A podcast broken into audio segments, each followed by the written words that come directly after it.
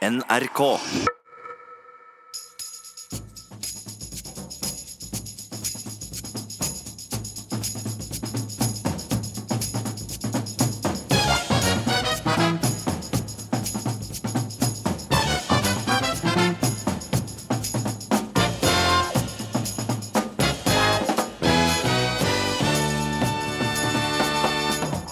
Jeg husker ikke sist jeg var så nervøs, sier mora til Ada Hegerberg. Dattera sikra seg sin tredje Champions League-pokal denne uka. Og to av verdens mest myteomspunne fotballklubber møttes til guttas Champions League-finale i kveld. When you walk through a storm Liverpool-fansen er godt i gang. De er for øvrig òg Real Madrid-tilhengerne, men det er jo så få av de her i Norge. Og hvorfor er det hyggelig å dekke til ei brud med slør, mens det er undertrykkende når muslimske kvinner går med hijab, spør redaktør. For drøy sammenligning svarer Dana Manosheri i likestillingsorganisasjonen LIV. Velkommen til ukeslutt i NRK P1 og P2. Jeg heter Ann Kristin Listøl, og vi skal òg snakke om rekordvarmen som er flere steder i mai. I denne sendinga kan vi risikere å bruke opp det fine været.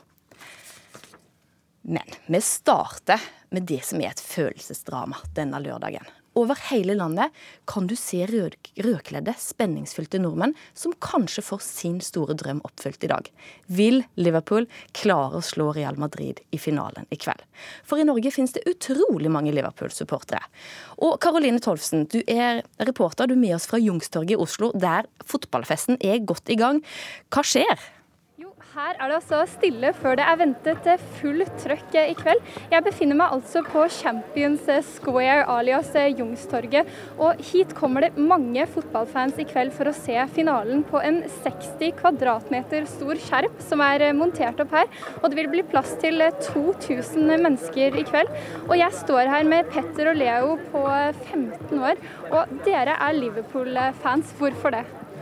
Fordi eh, man kan ikke heie på Real Madrid. Det er, eh, det er uhørt. Så også er Liverpool en legendarisk klubb, med, og den angrepstrioen er fantastisk. Så, og de spiller fantastisk morsom fotball. Og det er derfor jeg tror Liverpool har sjarmert mange fotballfans hjerter. Og hva tenker du da? Ja, jeg er helt enig. Er, jeg hater Real Madrid, og er, Liverpool er en veldig bra klubb. De spiller bra fotball, og ja, jeg er helt enig med Leo. Og Liverpool har jo veldig mange fans her i Norge, men Real Madrid har jo vunnet dette flere ganger. Hvilke sjanser tror du Liverpool har i kveld, da? Jeg tror at Real Madrid er kanskje hårfine favoritter etter at de har spilt sånn fire av Altså det her er fire av fem finaler de siste åra. Så de er nok hårfine favoritter, men Liverpool kan overraske, og de, er, de kan slå hvem som helst på en god dag. Og så jeg tror sjansene er ganske gode. Men jeg tror kanskje at Real Madrid er favoritter likevel. Og det er ventet fullt trøkk her i kveld. Hvor skal dere se finalen? Vi har tenkt å se den hjemme, sånn at vi får litt ro og får heie på den selv. Det er også ingen skriking og hoiing og full fokus på kampen. Så her er altså folk veldig spente, og jeg merker jeg er litt spent selv, så vi får følge med på finalen i kveld. Takk til deg, Karoline Tolfsen. Og du er jo skikkelig dedikert fotballsupporter når du vil velge å se kampen hjemme for å få med deg absolutt alt. Men som vi hørte, jeg hater Real Madrid. Og for å si det sånn, vi har prøvd å finne Real Madrid-supportere her i Norge. Men vi sleit skikkelig, så vi måtte ty til supporterklubben. Og det er Magnus Kragtorp, du er president i den norske supporterklubben til Real Madrid. Hvorfor, måtte hvorfor, er det så vanskelig for oss å finne noen i Norge som er glad i Real Madrid? Nei, Det er et godt spørsmål, men det begynner jo ganske tidlig, helt tilbake til 60-70-tallet. Når tippekampen gikk på NRK, og de generasjonene som er våre foreldre og før der igjen, har på en måte vokst opp med dette her. og gitt dette med morsmelka til sine unger. For da var det engelsk fotball som ble engelsk fotball som gjaldt, ja. Var, spansk fotball var omtrent ikke mulig å oppdrive og få noen tilgang til det. Så det, så fremt du ikke var på charterferie i Syden, så fikk du ikke se noe annet enn engelsk fotball.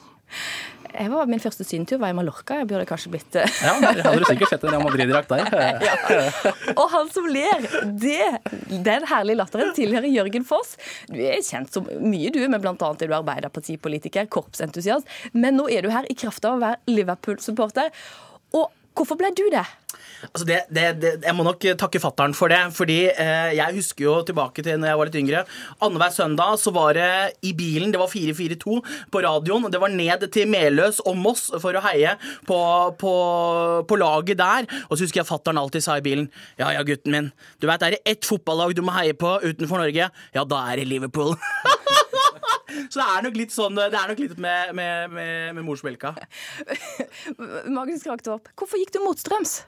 Nei, det er eh, Når det er eh, skal vi si, for åtte-ni år, så er det ikke så mye som skal til for å vippe den veien i forhold til å velge fotballag. Og når du har litt kule drakter, og det er litt tøffere navn enn de standard engelske, og du er som da nevnt på eh, ferie, ferietur i Spania, så er det fort gjort å bli forelska i den helhvite drakta. og Fotballnavnet Roberto Carlos og Raúl det svinger litt mer enn Teddy Sheringham og Ian Wright. Men, men det, altså det som er fascinerende, er at det er utrolig mye følelser knytta til fotball og supportere. Eh, men det er jo altså det valget når du blir den fotballsupporteren Det er jo få valg som er eh, mindre gjennomtenkt enn som så. Du blir det fordi du var seks år og type far din sa det.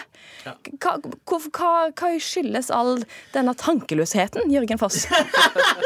Jeg, jeg tror rett og slett at det, det er altså, Fotball det ligger, det ligger, i hjertet. ikke sant? Det er følelser. Eh, det er ikke så veldig konkret. ikke sant? Det er på en måte noe som, som kommer innenfra, og som du bygger inni deg over tid. Eh, og så er det, Når du velger et lag i ung alder, så er det det laget det blir. Og det, er, det følger med deg, og så følger det generasjoner. Eh, og, og, og sånn som i Norge. sant? Det er, det er 40 over 40 000 medlemmer iallfall 40 000 medlemmer i norske Liverpool fanklubb. Det er, det er svært! Det er svære greier! Og, og så dette her, men Siden vi er inne på følelser, da. Sant? Det nærmer seg. Kampen starter kvart på ni. Altså, Kraktorp, hvordan kjenner du det i kroppen din nå? Akkurat nå så er det ganske greit. Nå er vi så heldige at vi har vært med på dette noen ganger de siste årene. Så man er på en måte vant til situasjonen eh, de timene før kampstart. Men når klokka nærmer seg sånn seks-sju, så kommer sommerfuglene. Og da glemmer man å spise og glemmer man å drikke og bare gruer seg egentlig til at det skal begynne. For du har fått blackout under en kamp òg? Ja, jeg fikk det under Lisboa-kampen. Da, det ble, da den lå under 1-0 og det var overtid og satte inn 1-1. Da var det fullstendig mayhem når den, når den målet kom, og da husker man ikke så mye mer etter det. Var det helt svart? Nei, det var, det var en euforisk opplevelse, egentlig. At du da, Av glede, da. Så du besinte på en måte ikke, men du husker stort sett ingenting. Det er nesten litt sånn religiøst. Ja, egentlig. Ja. Og hvordan kjenner du det? Nei, altså, jeg starta jo dagen i dag med at det er, jo, det er jo to viktige ting som skjer i dag. Det er Champions League-finale senere i kveld, og så er det VM i Janitsjarkorps eh, i dag. Så klokka ti kvart over ti så gikk jo Lillestrøm på, på, på, scenen og fremførte fantastisk musikk, og så blir det Champions League-finale i kveld. så det er jo drømmedagen! Hvis du måtte velge av de to, hva hadde du valgt? kjempevanskelig! Men jeg må jo innrømme personlig så er jeg jo en korpsmann, så egentlig er det litt fy-fy å komme hit og snakke om fotball, for det skal jo ikke være lov. Men det er jo litt som jeg sa, det er litt religiøst. Det er litt, det er, det er sjel. Det handler om noe mye, mye mer enn det vi fysiske som vi kan ta i. Og, og, så er det jo litt sånn at Når vi har fot fotballsaker, så er det en del som sier sånn Å, fotball jeg bryr meg ikke om, det er kjempekjedelig. Men dere du, gjør dette ganske livlig. Men det er òg sånn med disse to lagene. Altså, det er liksom Liverpool, det er litt arbeiderklassen, sant? Mot de såkalt rike i Real Madrid. Det er liksom litt ulike kulturer her. Veldig. Ja. ja. Det er jo, Madrid er jo delt i to, det òg, som mange andre byer. Og det er jo Madrid som er den om vi kaller det vestkantsida i Madrid. Mens den arbeiderklassen er jo den som heier på Atletico Madrid. Så de sier jo det at fiffen i Madrid heier jo på Real Madrid. Og det er det gjenspeiler seg også når du ser alle kjendisene og rike folk som er på stadion i Madrid for å se på Real Madrid. Og når du sa i forhold til Liverpool, ikke sant? det er arbeiderklasse, det er liksom og jeg, og jeg måtte jo spørre leder i Oslo Arbeiderparti før jeg, før jeg kom hit i dag. Han er jo skikkelig Liverpool-fan. Det er Frode Jacobsen. Ja, Frode Jacobsen han er jo helt sånn klin gæren når det kommer, til, det kommer til Liverpool. Og han sa veldig tydelig det er tradisjon, det er følelser, det er liv, og det er død. Du, Magnus Kraktorp, når du hører Jørgen Foss, skulle du ønske han var Real Madrid-supporter, Ja, så du fikk litt liv? Absolutt, absolutt. Det er jo litt av kulturkrasj nå da, med Real Madrid, eller helt til Real Madrid, spanske lag kontra engelske lag. Det er mye mer liv og røre i England kontra det er tribunekultur i Spania. Og Jørgen går fram som godt eksempel der, ja. Ok, til slutt. Stillinga etter endt kamp i dag, inkludert eh, ekstraomgang og straffespark hvis det blir det. Liverpool-supporteren først. 3-2 til Liverpool. 3-1 til Real Madrid. Vi ønsker dere så lykke, lykke til, begge to, selv om det blir en motsige... Ja. Men jo, forresten, Kraktorp. Hvis dere taper det må jo være skikkelig ille med så mange Liverpool-supportere i Norge. Hvordan Ja. takler du det? Nei, det, det er jo egentlig bare å komme seg hjem fortest mulig, tror jeg, hvis det ender med et tap. liksom, ja, ja, ja. Ja, det er som du sier, det, vi skal jo på Youngstorget etterpå, og det er nok eh, 90 er nok kledd i rødt, tenker jeg. Så vi er jo undertall, så det ljomer etter. Så det blir en eh, blytung dag om det skal vise seg å bli tap. Og det gjør det jo. Etter planen nå så skal vi ha med oss eh, For det har vært en annen finale denne uka her. Ada Hegerberg. Fantastisk. Ja. Ja, hun er jo det norske talentet. Ja. Kvinnene har jo eh, spillere som faktisk klarer å ta sin tre Champions League-seire på rappen for Lyon. Og Gerd Stålsmo, du er mora til Ada Hegerberg. Du er med i teamet rundt henne. Du var og fikk med deg finalen i Kiev. Og altså, du var så nervøs da dattera di spilte at du, du husker ikke sist du var så nervøs. Klarer du å gjenskape det for oss? Ja, det skal jeg prøve. Å, fy flate. Ja, jeg spilte sjøl fotball, så jeg kan ikke huske jeg har vært så nervøs eh, siden jeg på 80-tallet, når jeg sjøl spilte før fløyta gikk. Um, uh, helt utrolig. Tredje Champions League-finalen, sant. Det er ganske press som ligger der, da. Eh, Jeg var i hvert fall ikke klar i å ha noe brudd i seiersrekka. Så jeg var temmelig nervøs, ja. Jeg kjenner bare jeg snakker om det nå, at uh, adrenalinet er ikke inni blodårene, det ligger utapå hua. Så um, hvis det kan gi en viss uh, pekepinn hvordan jeg hadde det, så var det sånn jeg hadde det i går på torsdag. Ja, det gjør det. Og du, du, altså, du har jo snakka selvfølgelig mye med dattera di, men hvordan opplevde de sjøl liksom, hele opplegget og spillet? For det var jo eh, uavgjort ganske lenge. Uavgjort ganske lenge, egentlig litt småtamt. Lå og følte litt på hverandre. Og jeg har jo fulgt Jon ganske tett nå i mange år, så jeg vet jo hva vi er gode for. Det var jo egentlig aldri tvil om hvor seieren skulle havne. Men i ball ballpossession så jeg ville hatt litt flere gjennombruddspasninger til Ada, da, selvfølgelig. Hun lå jo rett, rettvendt og venta på han. Men 0-0 ved ordinær tid. Og da holdt nervene mine på klikk. Og hvor nervøs, altså, Spillerne sjøl, hvor, hvor nervøs var Hegerberg? Nei, jeg tror ikke det er så mye nerver, nei. Ikke når de har kommet i gang. De, øh, grunnen til at jeg egentlig skjønte at de måtte dra det lengste strået, det var at de er kollektivt veldig proff oppi hodene sine. Sant? De har øh, mye erfaring med dette her, og det kommer godt med. Skjønt Wolfsburg er et godt lag, det òg. Og det er heldigvis for Lyon, så kan de få litt motstand òg. Men jeg mener at Lyon kanskje spilte på seg en del eh, unødvendige brudd da, som slapp Wolfsburg til, som gjorde at det enda litt mer nerve. Men uh, punktert ble det, da. Og seieren gikk rette veien. Og dattera di skårte til og med òg. Eh, og kun, eh, eller helt til slutt, eh, Gerd Stolsmo. I kveld på gutta, holder du med Liverpool eller Real Madrid? Nei, du, jeg har en kompis på Real Madrid, vet du. Han, eh, Har vi funnet en Real Madrid-supporter i ukeslutt? Ja. Så en liten eh, Ja. Datter En liten eh, Ja, og dattera. Ja, er her, her sier Magnus Kragtopp òg at dattera di er det òg, ja. Så det her har vi. Nå plutselig fikk vi flere Real Madrid-supportere på, på direkten her. Ja. Dere tre. Hold en knapp på dem. Ja. Ja, Da får vi se hva som skjer. Eh, Gerd Stolsmo, takk for at du var med oss eh, i ukeslutt fra eh, Kiev. Du sitter faktisk på flyplassen, skal fly hjem til Norge.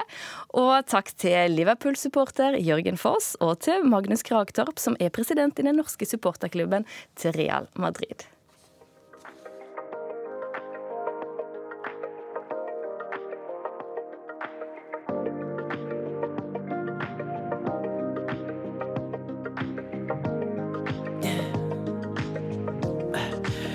Me what you really like.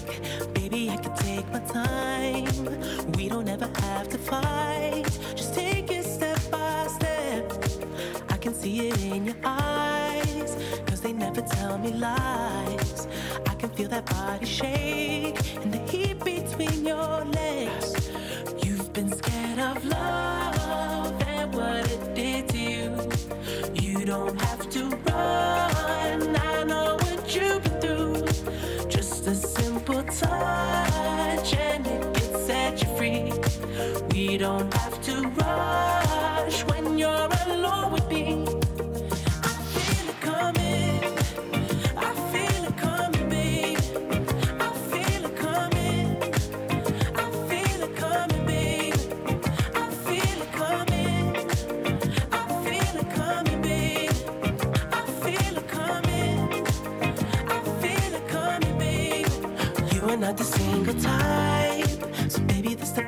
time.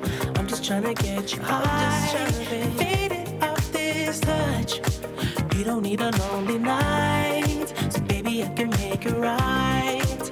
You just gotta let me try to give you what you want. You've been scared of love.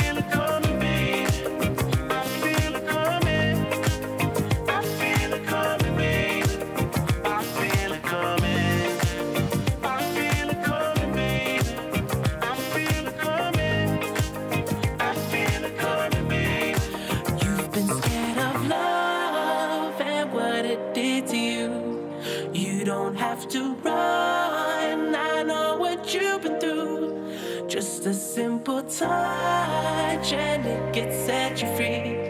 We don't have to rush when you're alone with me.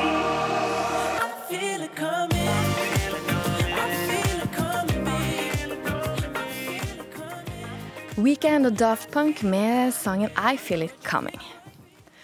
Fint vær gjør noe med oss nordmenn. Og du er kanskje en av de mange som har hatt utrolig godt vær nå i mai.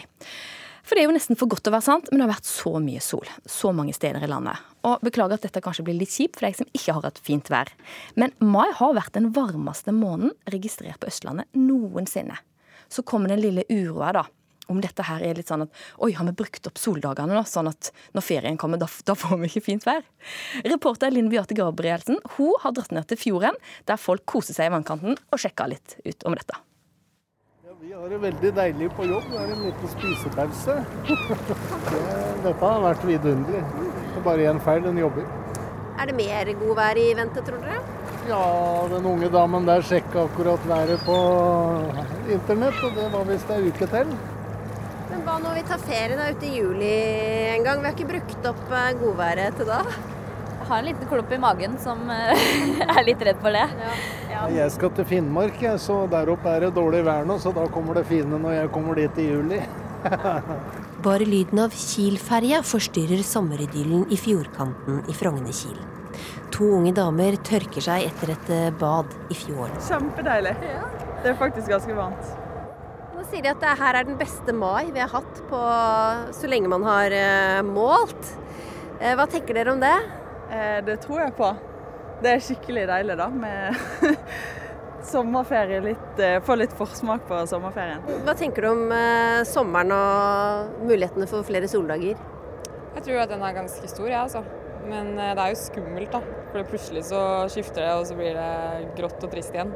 Vi får håpe at den holder lenge. Et ektepar tøffer inn med båten for å fylle tanken. Ja, vi koser oss. Ja, første turen her nå i dag. Sto det, sa det 20 grader i vannet under rett under båten. Det var deilig. Er det noen fare for at vi har liksom brukt opp eh, sommeren nå? Nei, tror ikke det. Eh, Det vil jeg ikke tenke på. Nei. Vi får, det kommer sikkert fint i juni og juli òg. Innimellom, i hvert fall. Vi satser på det. Vi satser på det, ja. Eli Kari Gjengedal, her sitter du i feil kanal. Men det er hyggelig å ha deg her. Du er redaksjonssjef for værmeldinga i TV 2, men de kaller deg for værsjefen. Du har òg skrevet bok om eh, norske værtegn. Men vi skal starte med dette med været først. Altså, kan det være så fint vær nå at kvota blir brukt opp? Vet du, det er så mange som spør om det spørsmålet. Alt ifra småunger til gamle bestefaren. Eh, og masse journalister. Og vet du hva, da kan jeg berolige samtlige der ute med at nei, det er ikke sånn at fordi om vi får en, eh, en eh, varm og fin mai, så blir resten av sommeren begredelig. Statistisk sett så finnes det ikke noe hold i det i det hele tatt. Vi har hatt perioder tidligere i historien hvor mai har vært nydelig, og vi har også fått en påfølgende fantastisk juni. Men hva er det som gjør nordmenn oss nordmenn når den snikende følelsen kommer? Nei, vi kan vel ikke ha det så godt over for lang tid? Hva, hva sier det om oss nordmenn? Eh, Nei, men Det sier jo litt om erfaringene våre. Vi bor jo midt i vestavindsbeltet. Det vil si at alle lavtrykk, eh, de aller fleste i hvert fall, skal passere over oss. Nett som en motorvei. Og da vet vi det at dette varer ikke evig. Så jeg eh, har full forståelse for den, eh, for den frykten for at dette her nå skal, skal bli over. Men så kan jo det skje òg, da, at eh, plutselig så får vi et eh, regimeskifte, som vi kaller det. Og da eh, kan det hende at lavtrykkene driver og passerer oss i hytt og pine, og da har de ofte veldig stabilt og fint vær i bl.a. Spania. Og så, Folk er jo ganske opptatt av værtegn, og vår reporter har også vært ute og uh, snakka litt med folk om det. Makrellskyr er fint vær. Da kommer det regn, gjør det ikke? Når svalene flyr lavt. For å se hvordan været blir. Værtegn her. Når jeg står opp om morgenen, så titter jeg ut. Flott vær. Eller dagen går ned i en sekk, altså hvis det er overskya. Dagen går ned i en sekk, da er neste dag vekk. Tror jeg jeg har hørt av bestemor. Aftenrød i morgen søt. Er det ikke noe som heter det? Aftenrød i morgen søt? Ja, her har jeg hørt med folk og kunnskapen. Altså, hva slags værtegn eh, peker på at det blir fint vær i sommer? Oi, det er mange værtegning kan følge med på, og akkurat nå så er jo vi i sjølveste værtegnmåneden mai, hvor vi har så mange merkedager. Vi har pinse, vi har 17. mai, vi har 1. mai, vi har Kristi himmelfartsdag, vi har jernnettet. Så det er så mye å gå etter i mai, da. Eh, Men eh, jeg følger godt med på bjørka. Lauvsprett er en sånn der eh, langtidsvarslende meteorolog i naturen, da. Eh, og det eh, blir sagt at hvis eh, bjørka spretter tidlig, men ikke står i full flor til 17. mai, da blir det en nydelig sommer. Og jeg har ei faste bjørk rett utenfor huset mitt i Bergen, som jeg har fulgt med på nå i seks år. Eh, og den bjørka, den jeg var veldig bekymra et øyeblikk, at det skulle bli for mye og store og, og fruktige blad jo litt for tidlig. Men heldigvis så hadde vi en litt kald inngang av mai. Eh, første helga i mai var jo nokså kald og gufsen, og sånn at det, Bjørka holdt seg akkurat innafor, etter mine formeninger, da, og derfor så har jeg trua på at det skal bli en fin sommer, sjøl om vi nå har hatt en eh, veldig fin mai og folk er redde for at det er over. Jeg er jo vokst opp i, i Volda på Sunnmøre, og der har vi et, et sånt eh, vann. Og når isen smelter, så hvis den går den riktige veien, blir det fint vær til sommeren. Feil vei, dårlig vær. Og mora mi har sagt til meg den gikk den rette veien nå. Ja, så bra! Å, jeg elsker mora di! At hun har fulgt med på det. Du må helse mye. Hun kommer til å elske deg tilbake, da. Men hvor mye kan vi tro på sånt? Du, her har vi en del å snakke om, men jeg skal nå fatte meg i korthet. Eh, Vi kan dele inn værtegnene i forskjellige kategorier når det kommer til troverdighet. Og den mest troverdige værtegnene, det er de tegnene vi ser på himmelen, nemlig de optiske fenomenene. Sånn som ring rundt månen, ring rundt sola, aften rød gjør morgen søt og sånne ting. Og det er fordi eh, at når vi får et værskifte, så kommer alt i fronten med masse, masse iskrystaller høyt opp i høgden. Og da får vi en lysbrytning i iskrystallene ganske tidlig før det dårlige været kommer. Sånn at det nydelige farger på himmelen er dessverre ofte dårlig nytt. Eh, Men så hender det nå òg at du har noen unntak, sånn som aften, aften rødgjør, morgen søt og sånn. Eh, Så optiske fenomen er mest troverdig. Så har du dyrene våre, hvordan de oppfører seg. De er ganske smarte, skal jeg si deg. En har sikkert hørt om værtegnet når eh, sauene trekker ned fra fjellet. Da kommer det regn og vind. Og det er nesten alltid korrekt, men det er igjen disse korttidsvarslende tegna. Og så kan jeg òg bare si at eh, de minst troverdige tegnene er jo disse her eh, merkedagstegnene fra primstaven osv. osv. Men vi skal samtidig ikke kimse av dem, for de eh, tidligere værprofetene våre gjennom generasjoner har jo gjort sine erfaringer og har hatt sin statistikk på ting. Og med en gang du kan gå tilbake og se på statistikken, så kan du si noe om framtida. Sånn er det jo òg med den moderne matematiske meteorologien. Vi må vite hvordan været var historisk for å si noe om framtida. Spennende. Og værtegnet som mora mi fortalte om, det har iallfall stemt så langt, for det har vært veldig mye fint vær i Volda òg. Ja. Så vi håper at de som har værtegn som viser godt vær, at de stemmer. Og de som viser dårlig vær, får vi heller satse på å ikke stemme Ja, like de, godt. de glemmer vi fort, fortere enn svint. Eli Kari Gjengedal, du- tusen takk for at du var med her i Ukeslutt. for meg.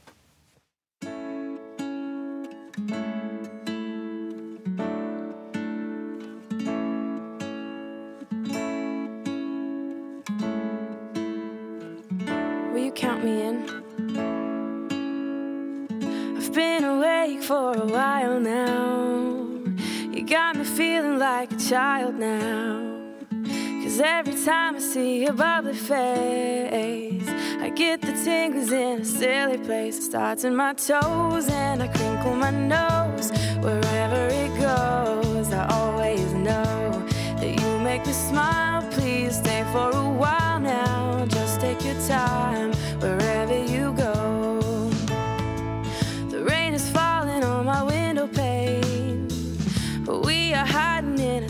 Safer place. Undercover, staying dry and warm. You give me feelings that I adore. They start in my toes, make me crinkle my nose. Wherever it goes, I always know that you make me smile. Please stay for a while now. Just take your time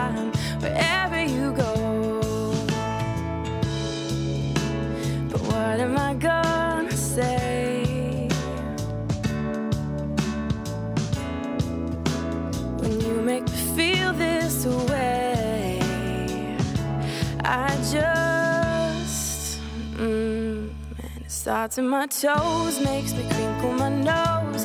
Wherever it goes, I always know that you make me smile. Please stay for a while now. Just take your time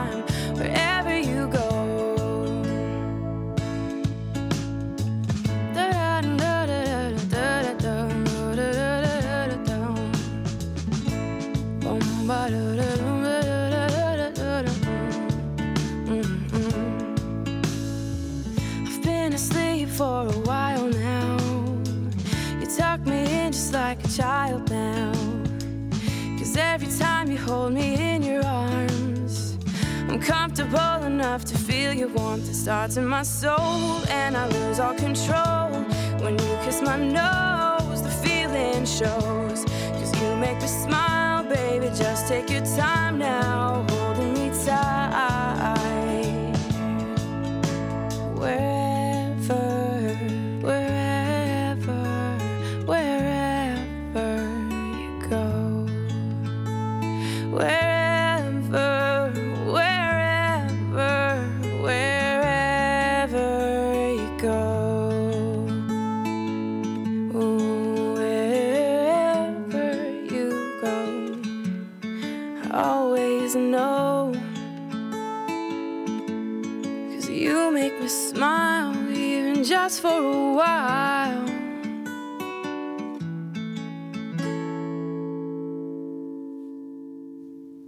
Bubbly Caleb Colby. Harry, will you take Megan to be your wife? Will you love her, comfort her, honour and protect her, and forsaking all other, be faithful to her as long as you both shall live? I will. Her hørte vi Prins Harry sier ja til sin Meghan forrige helg, og så ble det etterfulgt av jubel utafor og latter inn i kirka. Og amerikanske Meghan, som er kjent fra TV-serien Suits, ble fulgt til alters av prins Charles. I lang, hvit kjole og med ansiktet bak et heldekkende slør. Prinsesse Diana og hertuginne Kate hadde òg et slør. Og dette her, det fikk politisk redaktør i Vårt Land, Berit Aalborg, til å tvitre. Litt overraskende at bruden i dagens rojale britiske bryllup velger heldekkende ansiktslør, med tanke på den tunge symbolikken og kvinnesynet som ligger i en sånn effekt. Berit Aalborg, hvorfor er det galt? Nei, Jeg har jo ikke sagt at det er galt, men jeg syns det er litt overraskende at en feminist som, eh, som Meghan henter inn gamle tradisjoner som er eh, kvinne, altså kvinneundertrykkende, og tar de inn igjen i en vestlig tradisjon. Og er det flere som har gjort det før henne, som du påpekte, som Diana. Og når jeg reagerer på det, så er det fordi det står igjen en, en tradisjon som er kvinneundertrykkende. Og det er ikke fordi at jeg mener at hennes flolette skjør på noen måte kan sammenlignes med, direkte med f.eks. bruk av hijab i autoritære land, men fordi det historisk og kulturelt har røtter tilbake faktisk i den samme tradisjonen. Og at det finnes en, en idé om at altså det, Du går ut ifra en idé om at kvinners ære skal beskyttes og, og, eh, og kontrolleres. Og jeg syns at det er en romantisering av noen impulser, og det syns jeg er litt historieløst av henne. Så det var grunnen til at jeg, at jeg tok det opp. Du skulle ønske hun lot være?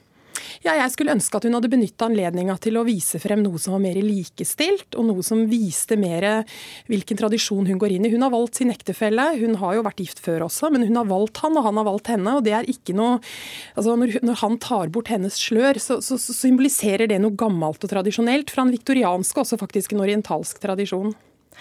Dana Manosheri, du er generalsekretær i LIM, Organisasjonen for likestilling, integrering og mangfold.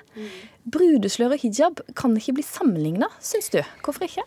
Nei, fordi at det, um, altså det, det, er klart begge har dimensjoner av kultur og tradisjon og religion og, og på en måte det fine med det. Uh, men i 2018 uh, så ser en jo at ikke det er jo ikke noen elementer som en finner i og da mener jeg ikke vanlig bruk av hijab, men tvangstildekning, som er viktig for med det ordet tvang. Eh, de dimensjonene fins ikke i brudesløret. Eh, bare konkrete eksempler er jo at det, ja, det fins ikke noe tvang. De har valgt det sjøl. Eh, hele vigselseremonien varer i toppen av en halvtime. og den, altså det, er et skuespill. Du går liksom, du blir gitt bort av din far, og det er liksom hele Men muslimske kvinner verden over er ikke med på dette skuespillet. De er blitt tvunget inn i dette skuespillet. Og det er ikke et skuespill, det er et liv for dem.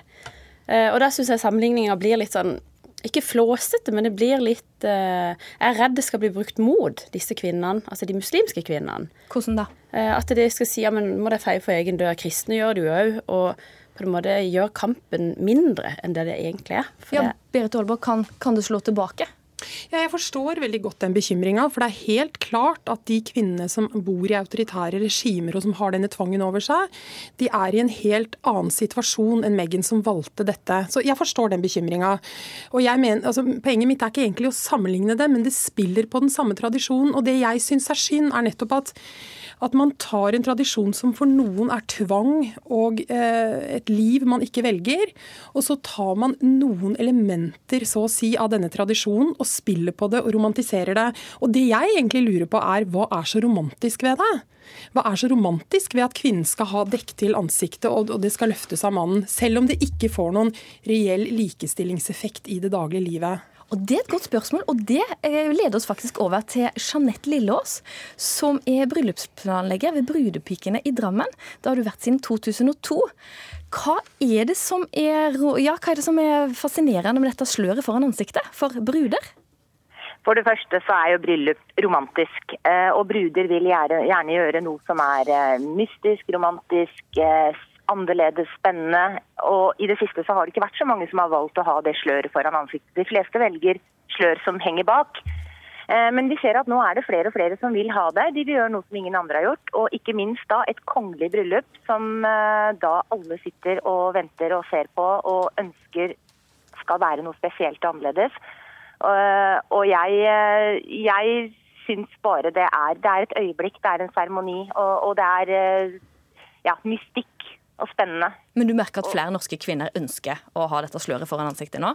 Ja, jeg ser det. fordi at de vil gjøre noe annerledes. ikke sant? Og det er med tradisjon. De, de tar frem ting som ikke har vært brukt på en stund. Og det er klart når det har vært et kongelig bryllup, så kopieres jo det veldig. Brudebukettene kommer sikkert nå til å kopieres. Det kommer sikkert til å bli enda Det er klart, nå med slør har det jo vært alltid. Eh, med Diana og Kate og alle disse andre. men men uansett så er kongelig bryllup det er noe annerledes. Og jeg tror vi hadde blitt litt overrasket hvis det hadde vært et slør som ikke hadde vært over ansiktet. For det er på en måte ikke kongelig. De skal liksom heves litt over oss vanlige. Så, så, så, jeg, så, jeg, ser ikke at det er noe kvinneundertrykkende på noen som helst måte. Nei, Berit Aalborg, det er ikke kvinneundertrykkende, og flere norske kvinner velger det. Hva, hva ja, flere norske kvinner velger det. Og det som er litt sånn interessant, for det er, det er et hav av tradisjoner vi kunne valgt fra. Og vi kunne valgt fra den norske, gamle tradisjonen. Der gikk, eh, bare når min mor gifta seg i 1955 i Nordland, så gifta hun seg med en Oslo-gutt. Og da blei tradisjonen henta inn at han skulle følge henne opp, eh, lang, opp til, til alteret. Og det syns de var jålete på den tida tida i deler av Norge. Og, det, det, sier noe om at noen av de gamle norske tradisjonene har vært mer likestilte. Og hvorfor kan vi ikke hente fram de? Hvorfor må vi hente fram tradisjoner som opprinnelig har noe diskriminerende i seg? Det syns jeg er veldig underlig. Ja, Dana Manushiri, det var mer likestilt før. Altså, Bør vi søke mer tilbake til det, eller? Ja, jeg syns vi alltid skal søke tilbake til likestilling. Det er liksom Uansett på hvilket felt vi er. Men jeg tenker hvis denne debatten kan være med å kaste lys over hva som faktisk ligger i tvangstildekning, så heier jeg på debatten. Akkurat Meghan Markle og hva hun gjør, en person som er så innflytelsesfull og kan på en måte gjøre endringer med den posisjonen hun er i, så skulle jeg jo ønske at eh, ja, kanskje ikke hun skulle dekket seg til, eller altså Det er mange måter hun kan bruke, og jeg håper i, eh, framover i fremtiden at vi ser hun ta flere standpunkter som er i retning likestilling. Eh, men igjen så må jeg bare understreke at den, eh, den diskusjonen eh, sett med Meghan Markle i kontekst med det som kvinnene som er tvangstillagt opplever. Vi må være forsiktige, for det er rett og slett et hån mot dem. Det, det, det er ikke sammenlignbart i det hele tatt. Eh, og da, altså du mener at det ikke er sammenlignbart, sant? Berit Aalborg er litt bekymra for det. Eh, men du, Jeanette Lillås, da. Altså, kunne du ha tenkt deg å gifte deg med dette sløret foran ansiktet ditt? Eh, nei, det kunne jeg faktisk ikke. Jeg er helt enig med det eh, Dana er det det hun heter, sa. Eh, det er ikke sammenlignbart. Eh, det er et skuespill, det er et show. Men det er klart, jeg som da er 50 og fortsatt ikke gift, eh, jeg syns det kanskje er litt patetisk at jeg da skulle hatt det sløret foran, men det er mitt eget valg. Når jeg sitter og ser på det kongelige bryllupet, så syns jeg det er vakkert. Jeg syns ikke det jeg, jeg, jeg klarer ikke å ta sammenligningen med hijab og alle de andre tingene. Det gjør jeg ikke. Og heller ikke det med at far skal følge opp datter. Eh, Det ser jeg på som respekt for far. Eh, og, og, og det er det veldig mange som gjør i, i dag også. Noen velger far, noen velger Det er, det er et valg bruden tar. Bruden bestemmer jo det meste. Det er hun som, det er hun som velger slør, det er hun som velger kjole, det er hun som velger blomster. Eh, så Men jeg personlig hadde nok ikke valgt slør. Jeg, jeg, jeg må bare si på slutten, altså jeg har faktisk ikke sammenlignet det. Men det jeg har sagt er at det er noen impulser som kommer fra de samme tradisjonene, og at det er synd at vi plukker disse opp. Og det står jeg fortsatt for. Og da, eh, Denne debatten her tror jeg vi kan ta flere, i flere runder og legge til flere eh, ledd. Men kanskje kan vi til slutt si at jeg tror kanskje at en del ble litt inspirert av han ene presten som holdt tale i bryllupet. Eh, han som kom fra var det Chicago. Så jeg tror kanskje en del som gifter seg, kunne tenkt seg at han som prest. Ja, enig, sant? ingen, ingen protester der. Da sier vi takk til Dana Manusheri, Jeanette Lilleås og Berit Aalborg. Again, you ask me if we're through, or if I still will stay with you. But my head's too full of voices to make up my busy mind. Maybe I will, maybe I won't. What will it take to tip the scale? Maybe I do, maybe I don't. Guess we're back down to heads or tails. Again, you leave me with a what? But is it yes or is it not? It is one too many options for a girl to find her way. You beg me tell you what I feel, but are my feelings really real? I'll make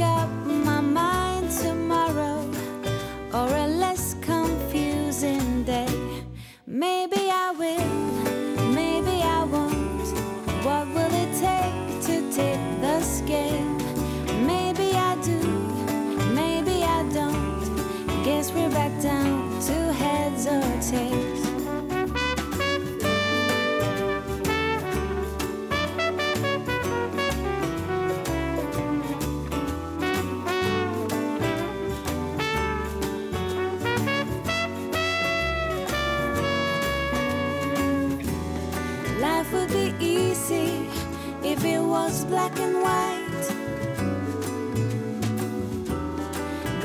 shades, all would be clear.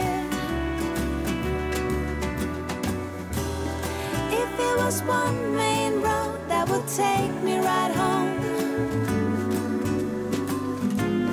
I would not still be sitting here. And again, you ask me if we're through, or if I still will stay with you. But my head's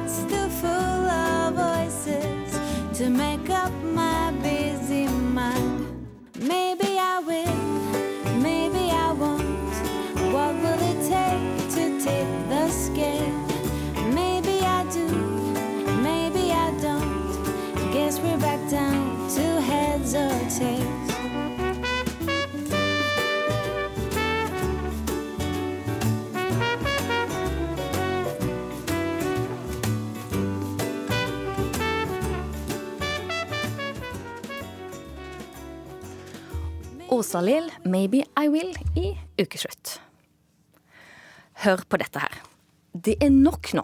Jeg har for mange venner med barn som hver dag kommer hjem fra skolen og føler seg mislykka, som blir deprimerte og stressa pga. altfor stor arbeidsbelastning og uklare mål i skolen. Dette skrev Irene Bergljot Dale, som er sosialantropolog og mor, på Facebook. Og dette ble fanga opp av aviser og har skapt mye engasjement på Vestlandet. Og Irene Bergljot Dale, hva er det du reagerer sånn på?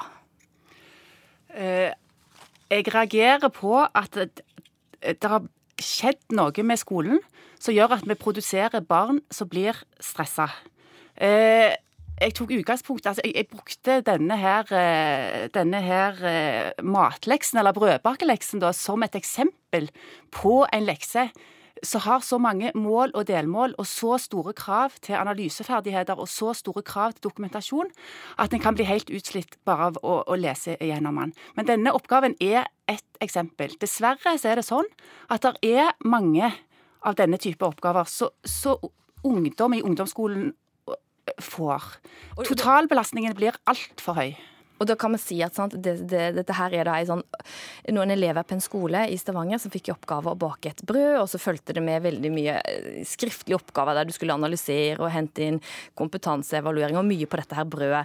Eh, vi skal bare ta inn og si at vi har vært i kontakt med rektoren ved skolen. Eh, som Han hadde ikke anledning til å være med nå i sendinga, men han sier at oppgaven er utvikla i løpet av flere år i samarbeid med foreldre og den blir tilpassa sånn at den skal passe alle typer elever. Så er det sagt. Men ditt poeng er jo at dette her er bare ett eksempel på veldig mye eh, i skolen som du mener fører til at barn blir, egentlig, de blir syke. Hvorfor det? Det er egentlig fire forhold som jeg reagerer på. Det første er jo at det, virker som at skolen ikke har kontroll på den totalbelastningen en utsetter elevene for. Altså en, en, Hver lærer gir ut denne type omfattende oppgaver, eh, og ingen vet egentlig totalen. Og så Du skal få lov til å si de andre, men bare Ja. slippe til Utdanningsdirektoratet, så hun også får komme. Og det er Sissel Skilling, Skillinghaug, som er divisjonsdirektør i Utdanningsdirektoratet. Når du hører hva hun sier med at elever blir syke av alt dette her, hva, hva svarer du? Altså, med utgangspunkt i den leksen som har skapt denne debatten, så tenker jeg at jeg, ja, vi kan ikke kommentere den for mye, for vi kjenner jo ikke sammenhengen som den er eh, gitt i. Men jeg syns at hun peker på to veldig eh, sentrale utfordringer, og erkjente utfordringer, vi egentlig har i skolen. Og det ene er at læreplanene våre har blitt for omfattende, og at det er for mange fag som gjøres unødvendig teoretiske. Og det er vi midt i et arbeid rundt å gjøre noe med. Jeg tror vi kan si at vi har en slags nasjonal enighet om dette. Og at det er viktig nå å jobbe for å prioritere hva det er viktig at elevene faktisk skal lære i de forskjellige fagene. Da. Og at det også er flere fag som vi må understreke først og fremst er praktiske. Ja, Irene... det er et arbeid som er i gang, og til høsten 2019 så vil vi ha nye læreplaner. Ja, Irene Bergljot Dale, her får du faktisk litt støtte av Utdanningsdirektoratet. Eh, De er på vei. men Nå kan du få lov til å komme med litt mer oppfordring hva de konkret bør gjøre. Hva, hva foreslår du? Ja, Det er jeg veldig glad for å høre. Det høres jo lovende ut. Eh, eh, jeg vil først begynne å si at det, altså med dette med totalbelastning for Jeg skrev også i den Facebook-meldingen min, eh, at jeg syns det er et paradoks at det hadde lærere blitt utsatt for den arbeidsbelastningen eh, vi utsetter våre barn for. Altså den, Det misforholdet mellom de kravene setter og den muligheten en har for å kontrollere de kravene, så hadde det vært forbudt i henhold til arbeidsmiljøloven. Så det, det vil jeg først begynne å si. Er du enig i det, Skillinghaug? Altså, det er skolens ansvar å måte gi den opplæringen som elevene skal ha. Og fra nasjonale myndigheter så er det noen rammer som settes, og så man, har man ganske stor, stor lokal frihet til å gjøre dette innenfor de rammene. Og vi ser jo eh, Den praksisen Dale peker på, er jo liksom, eksempler på kanskje litt dårlig praksis. Men vi vet jo at det finnes også mange gode eksempler på gode praksis. Det er ikke sånn gitt sannhet at det totale presset på barn i skolen er for stort, men det handler også noe om hva slags type praksis man har. Men er du enig i at hvis det er- dette hadde blitt gått utover lærerne, så hadde man tatt tak? Fordi lærerne hadde ikke Altså, man kan ikke la lærerne ha så stor arbeidsbelastning som, som barna får? Ja, altså Skolens oppdrag er veldig klart på den måten at eh, elevene skal lære om restere og trives. Eh, og Det betyr at all den praksisen man har i skolen, må støtte opp under det formålet. Og Hvis vi, hvis vi har en praksis, eller skoler har en praksis hvor de tror at svaret på det er nei, eller er usikre på det, så må man revurdere det. Det er fullt mulig å ha en lovlig praksis med det regelverket vi har i dag, som ikke er klok. Da, Dale, da Eh, skal du få komme med litt flere eksempler. Og jeg beklager at jeg avbryter. Dere er på to ulike steder, så jeg ser dere ikke. Dale, du skal få slippe til. Ja, nei, for jeg tenker jo at dette er, dette er veldig sammensatt. En ting er arbeidsbelastningen, men, men dette, arbeidsbelastningen henger enormt sterkt sammen med to andre ting som òg Skillinghaug var, var inne på. Dette, det er dette med ekstrem grad av målstyring, og òg en akademisering av skolen som har gått helt amok. Jeg vil begynne med det med målstyring. Altså med, I denne oppgaven jeg refererer til, så er det delmål og målkriterier som er lange som et vondt år. Eh, elevene får samme type mål utlevert ved hver lekse de får. Altså, jeg tenker at dette burde vært et, et måle- eller vurderingsverktøy i beste fall for lærerne. Men nå deles det ut til alle elevene, sånn, og jeg tror det bidrar til at de føler, seg håp, de, føler en håpløshet. De føler aldri de kommer til å nå disse målene. De forstår det ikke, de blir bare ord. Og de som klarer det, det er de, ofte de flinke jentene, kan en si. De har knokker koden på et vis. De går inn og leser mål og delmål og finner ut av kriteriene. Og så klarer de å, å få en god karakter ut fra det. Men er det, er det sånn en er det god læring? Når en lærer bare ut fra hva karakteren skal få. Er det sånn vi vil ha det i, i skolen? Her Spør kommer det ei svær kraftsalve. Da, til slutt, altså, Sissel Skillinghaug, er det noe av det hun sier her som du kan ta med videre, som dere ikke allerede vet?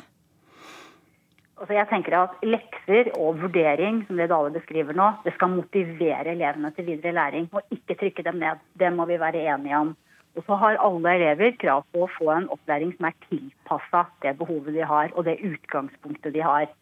Eh, og da Lekser må også gis i klokskap da, av de eh, lærerne som har ansvaret for elevene, sånn at de totalt sett Det høres ut som dere to faktisk er ganske enige om en del ting, og så er vel oppgaven å få det ned i systemet og få alle til å ikke samhandle, det fine ordet, på det. Dette er nok en debatt vi kan ta i flere flater i våre sendinger framover. Eh, I denne omgang så sier vi takk til dere begge to, Irene Bergljot Dale eh, og Sissel Skillinghaug. Sipper gin til frokost om natten. Jeg har ingen følelser om dagen. Jeg bedøvet meg med Maria, samme folket fra andre sida. Alene i et rom fylt med mennesker. Føler aldri noe, føler aldri noe, men jeg vet. Jeg må la det gå, jeg må la det gå som du vet. Si meg, sitter jeg fast igjen? Kan ikke jeg være som dem? Jeg må la det gå, jeg må la det gå, jeg vet. For jeg er alltid med, men jeg kan ikke føle noe med meg. Vet ikke hva er grunnen, uansett hva. Så er jeg alltid med, men jeg kan ikke føle noe med meg. Vet ikke hva er grunnen til at jeg er sånn. Følelser er fremmed, men er kunstig. Det vi hadde sammen, ser jeg kunstig. Vet jeg aldri finner noe bedre. To er bedre enn å være alene. Har ikke sett noe solskinn på lenge. Litt som Transylvania, babe. Alene i et rom fippe mennesker. Føler aldri noe, føler aldri noe, men jeg vet. Jeg må la det gå, jeg må la det gå som du vet. Si meg, sitter jeg fast igjen? Hvorfor kan ikke jeg være som dem? Jeg må la det gå, jeg må la det gå, jeg vet. For jeg er alltid med meg, jeg kan ikke føle noe med meg. Vet ikke hva grunnen, uansett hva. Så er jeg alltid med meg, jeg kan ikke føle noe med meg. Vet ikke hva grunnen til at jeg er sånn. For jeg er alltid med meg, Vet ikke hva grunnen er Philip Emilio med Nummen. I år så er det 40 år siden den norske abortloven trådte i kraft. Og nå har det òg vært eh, avstemning i Irland om de skal skrote Europas strengeste abortlov. Det ser ut som at eh, nei, eller nei-sida i Irland de erkjenner nederlaget, så nå kan denne her eh, abortloven da bli endra. Eh, og fordi at abort har vært ulovlig hvis det ikke er fare for mors liv. Og det vil si at selv ikke etter incest eller voldtekt, eller hvis det er fare for alvorlig misdannelse hos barnet, så har det vært lov til å ta abort. Dette er da Irland. Og da skal vi ha denne debatten her nå, da, fordi at eh, Gosha Eime, du er òg katolikk. Eh, men du syns at eh, Altså, du er for abort. Hvorfor? Ja, for jeg syns at eh, det er eh, veldig vanskelig Det er veldig vanskelig tema, men jeg syns at vi kvinner må bestemme selv. Det kan ikke andre skjønne hva vi går gjennom når vi er gravide. Jeg har vært gravid to ganger. Jeg mista mitt første barn.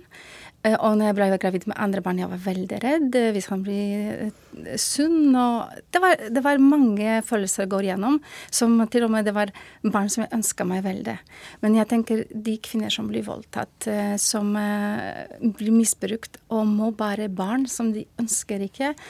Jeg kan ikke engang komme meg innom hvordan de føler seg. Det må være veldig tung. Og derfor jeg syns de må bestemme selv hva de velger. Og det er ikke vi andre som skal dømme dem, for det er da de alene står foran det valget. Det er eh, Ja, når jeg tenker på det, det kommer masse følelser nå. Og jeg vet at det, når jeg har vært på sykehus, og det var kvinner som tok, abort der, det er ingen som kom ut smilende. Det var eh, sikkert det tungste de må bestemme. Og da jeg skjønner at eh, det er ingen andre skal bestemme foran de. Karoline Brynsrud, du er, du er katolikk. Eh, og du syns det er galt å ta abort. Hvorfor? Um, fordi ja, det handler om menneskeverd. Eh, eh, vi tror jo at alle mennesker er skapt av Gud, og at vi derfor har lik verdi. Og verdi er ikke noe som blir bestemt eh, av alderen eller fosterets status. Alle mennesker har lik verdi uansett hvilken alder de har etter at de blir født.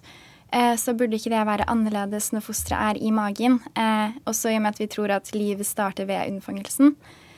Og ja, selvfølgelig er jeg jo for at alle skal få bestemme selv, eh, og frihet. Men så lenge det ikke går på bekostning av andres liv. Eh, er det vanskelig å ha den altså, Er det vanskelig å stå, altså, ikke å stå for den meninga, men er det vanskelig å ha den meninga for at veldig mange sier at det må kunne gå an? Eh, ja, det er veldig vanskelig å ha den meningen. Eh, det er jo som regel vanskelig å mene noe ikke alle mener. Eh, så jeg får jo en del spørsmål, men jeg må jo bare si det jeg står for, og begrunne det med mine argumenter. Så ja, det er, det er vanskelig. Ja, og jeg. Altså, sant, livet i Altså, mor, livet i magen til mor, det er jo et liv. Hvem skal beskytte det hvis ikke vi gjør det? Ja, det Det er liv, men uten mor som eh, vil videreføre det. det. Det er vanskelig å si hvem som skal beskytte det, fordi jeg syns de som også sier vi beskytter det livet, skjer, de ikke bryr seg hva som skjer når barnet blir født. Eh, Jeg kommer fra landet hvor hver dag nesten leser jeg om barnemishandling. Jeg tenker de barna blir født, skapt til det, den verden, men ingen eh, bryr seg hva som skjer med de videre. Eh, Ja, det, det er litt sånn For min del så De bryr seg om eh, livet i magen, men hva som skjer uten, eh, etterpå, det er ikke så viktig. Eh, så det er veldig vanskelig spørsmål når vi skal egen, hvis, vi, hvis vi bryr oss så lite om de som er født allerede, hvorfor vi bryr oss så mye om de som er ikke født ennå? Um, så eh, jeg skjønner at det er folk som er også, som vil beskytte det livet. Men da jeg syns også de burde stå etter de mødrene som bestemmer seg egentlig å føde etterpå. Da hjelper de. Fordi de står veldig ofte alene etter de får det barnet. Eh, veldig ofte kvinner som til og med bestemmer seg å føde barn etter voldtekt. Eh, familien vil ikke ta dem imot lenger. De må passe på det barnet selv. De kan ikke finne den far som eh, skapa det barnet. Eh, Så de må stå også på alle de utgiftene som kommer med det barnet. Så det er veldig vanskelig spørsmål, men jeg synes hvis du står for det, så i hvert fall må du hjelpe en kvinne etterpå, ikke bare før. Hva sier du til det, Brynsrud? Um, nei, jeg tenker at Ja, selvfølgelig. Det, ikke sant? Jeg snakker jo om menneskeverd, og da er det jo også viktig å eh, ja, vise barnet at det er verdt noe etter at det blir født også. Det er jo ikke sånn at det ene må gå på bekostning av det andre. Og jeg tenker at det ville vært bedre om eh, vi hadde lover som beskyttet og eh, hjalp folk i vanskelige situasjoner, eh, og ga dem støtte istedenfor å bare gjøre det lettere å fjerne det livet. Eh, ja. Eh, Men sånn som i Irland nå, der, det, ikke har vært lov til å ta abort, der det ser ut til at det blir endra. Men det som har skjedd der, er jo at folk har reist til England og så tatt abort. Så, så kan ikke det der å ha en regel som folk ikke følger, eh, altså føre til ulykksalige situasjoner fordi folk tar abort på, på uheldige måter? Eh, jo, det kan jo det. Og det er derfor jeg, jeg syns det er kjempevanskelig å snakke om dette temaet. Fordi jeg har jo ikke vært i situasjonen alle de som tar abort, har vært i. Eh, men jeg tror at eh, den katolske kirken har, det, har et såpass eh, strengt syn på det. Fordi det fins 1,2 milliarder katolikker i verden. De kan ikke begynne å lage unntaksregler for hver eneste kirkemedlem. Eh, så man må nesten bare ha en retningslinje. Og så er det jo til syvende og sist et personlig valg om man har lyst til å eh, følge de retningslinjene eller ikke. Eime, du er jo katolikk. Møter, hva, slags motstand møter du når du faktisk tar et eh, standpunkt som ikke er så veldig katolsk? Mm, ja, det eh, jeg, har forskjell- jeg, for å si sånn, velger å ikke prate med de venninnene mine som jeg vet er eh, imot abort. Eh, Fordi jeg syns det er så vanskelig tema, og det skaper bare krangel, egentlig, for alle har sånne sine meninger. Men eh, ja, det, selvfølgelig, jeg har kanskje mista noen venner og noen bekjente fordi jeg har sånn mening. Eh, Så det er et vanskelig tema for oss, det som jeg er enig med Karoline. Ja, og, og Brynsrud, nettopp, altså, til og med det at du ikke kan ta abort ved, altså, etter incest eller voldtekt. Mange kan sikkert tenke at det må være helt forferdelig. Hva, hva tenker du om å ha gjort noe unntak der?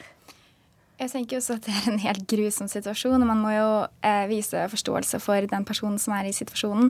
Men eh, et argument mot det er jo at hvis noen har gjort noe ille mot deg, hvorfor skal du da gjøre noe ille mot noen andre, som da blir det barnet som er i magen? Og eh, altså, omstendighetene for unnfangelsen, det forandrer jo ikke på barnets verdi. Den uskyldige tredjepart. Ja. Det jeg må si, er at dere to er utrolig modige som kommer hit eh, og snakker om dette her. Eh, veldig interessant å ha dere her begge to. Eh, Karoline Brynsrud og Gosha Eime. Takk for at dere var med her. Ukeslutt er slutt eh, for denne lørdagen. Ansvarlig for sendinga Gry Elisabeth Veiby. Teknisk ansvarlig Lisbeth Sellereite. Jeg heter Ann Kristin Listhaug, og vi ønsker dere en strålende lørdag.